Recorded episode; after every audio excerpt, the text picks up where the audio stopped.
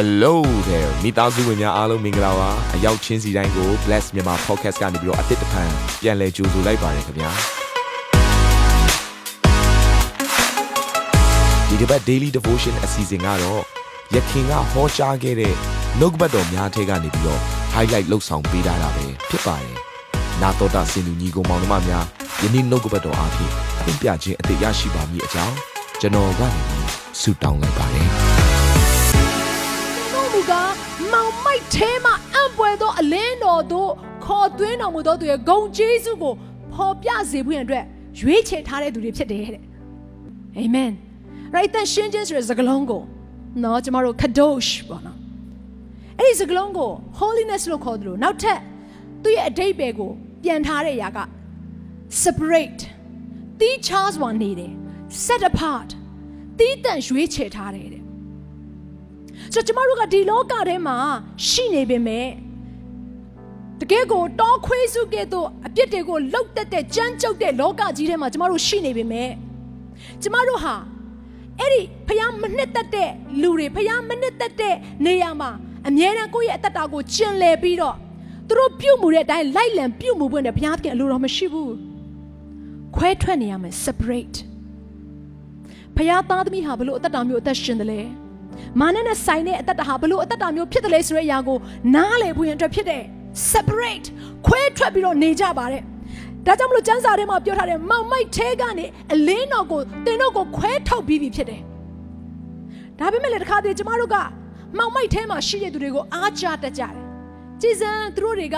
လွတ်လပ်လိုက်တာသူတို့ရဲ့အသက်တာကနေခြင်းတလို့နေလို့ရတယ်အသက်ရှင်ခြင်းတလို့သူတို့အသက်ရှင်လို့ရတယ်ကြိုက်တယ်လို့လုပ်တယ်လို့သင်ပြောကောင်းပြောပါလိမ့်မယ်ဒါပေမဲ့ကျွန်မပြောခြင်းတယ်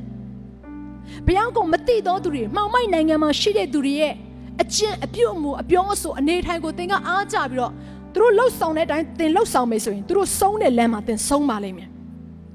ဒါကြောင့်မို့သင်ဟာယေရှုခရစ်တော်နဲ့စထားပြီးတော့မှဘာဖြစ်လို့ထာဝရငရဲအိုင်နဲ့သင်အဆုံးသတ်မလဲယေရှုခရစ်တော်နဲ့စထားပြီးတော့မှတည့်ရဲ့အတ္တတာထဲမှာထိုသခင်နဲ့စုံတွေ့ဖို့ရန်အတွက်ထိုသခင်ကိုဖူးမြော်ခွင့်ရဖို့ရန်အတွက်ဝိညာဉ်နဲ့ဘာဖြစ်လို့အဆုံးမသတ်မလဲ ဒီနေ့ကိုယ့်ကိုမေးဖို့ရန်အတွက်ဖြစ်တယ်ငါဟာဇာတိနဲ့စပြီးတော့ဇာတိနဲ့ဆုံးမဲ့သူမဟုတ်ဘူးဝိညာဉ်နဲ့စပြီးတော့ဇာတိနဲ့ဆုံးမဲ့သူလည်းမဟုတ်ဘူးဝိညာဉ်နဲ့စပြီးတော့ဝိညာဉ်နဲ့ဆုံးမဲ့သူဖြစ်တယ်ခရစ်တော်နဲ့စပြီးတော့ခရစ်တော်နဲ့အဆုံးသတ်မဲ့သူဖြစ်တယ်ဆိုတဲ့အရာကိုသင်နဲ့နားလည်ထားဖို့ဖြစ်ပါတယ်ကဲအဲ့တော့ကပ္ပဦးကျမ်းခန်းကြီး39အခန်းငယ်6ထဲမှာကျွန်တော်တို့တွေ့ရတဲ့လူတစ်ယောက်အကြောင်းရှိတယ်ယောသက်ယောသက်ကိုပိုးထိပါမယားကနေပြီးတော့ ပြစ်မှားဖို့ရန်အတွက်နေ့တိုင်းသွေးဆောင်တယ်အဲ့တော့သူတစ်ပါးသားများကိုပြစ်မှားခြင်းဆိုတဲ့အရာကကဘာဦးကျမ်းထဲမှာမပြစ်မှားရဆိုတဲ့စကားလုံးတွေမရေးထားဘူးဖျမြောက်ကျမ်းခန်းကြီး20ရောက်မှမောရှေလက်ထက်ကြမှ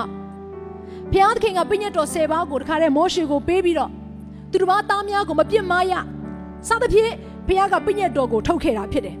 သို့တော့ကဘာဦးကျမ်းအခန်းကြီး39 အခန်းငယ်6မှာထူးဆန်းတဲ့အရာကဘာလဲဆိုတော့ယောသက်ဟာဘာပြည့်ညတ်တော်မှမကြားရခင်ဘာပြည့်ညတ်တော်မှမပေါ်ခင်သူဟာဘုရားသခင်နှစ်သက်တဲ့အရာ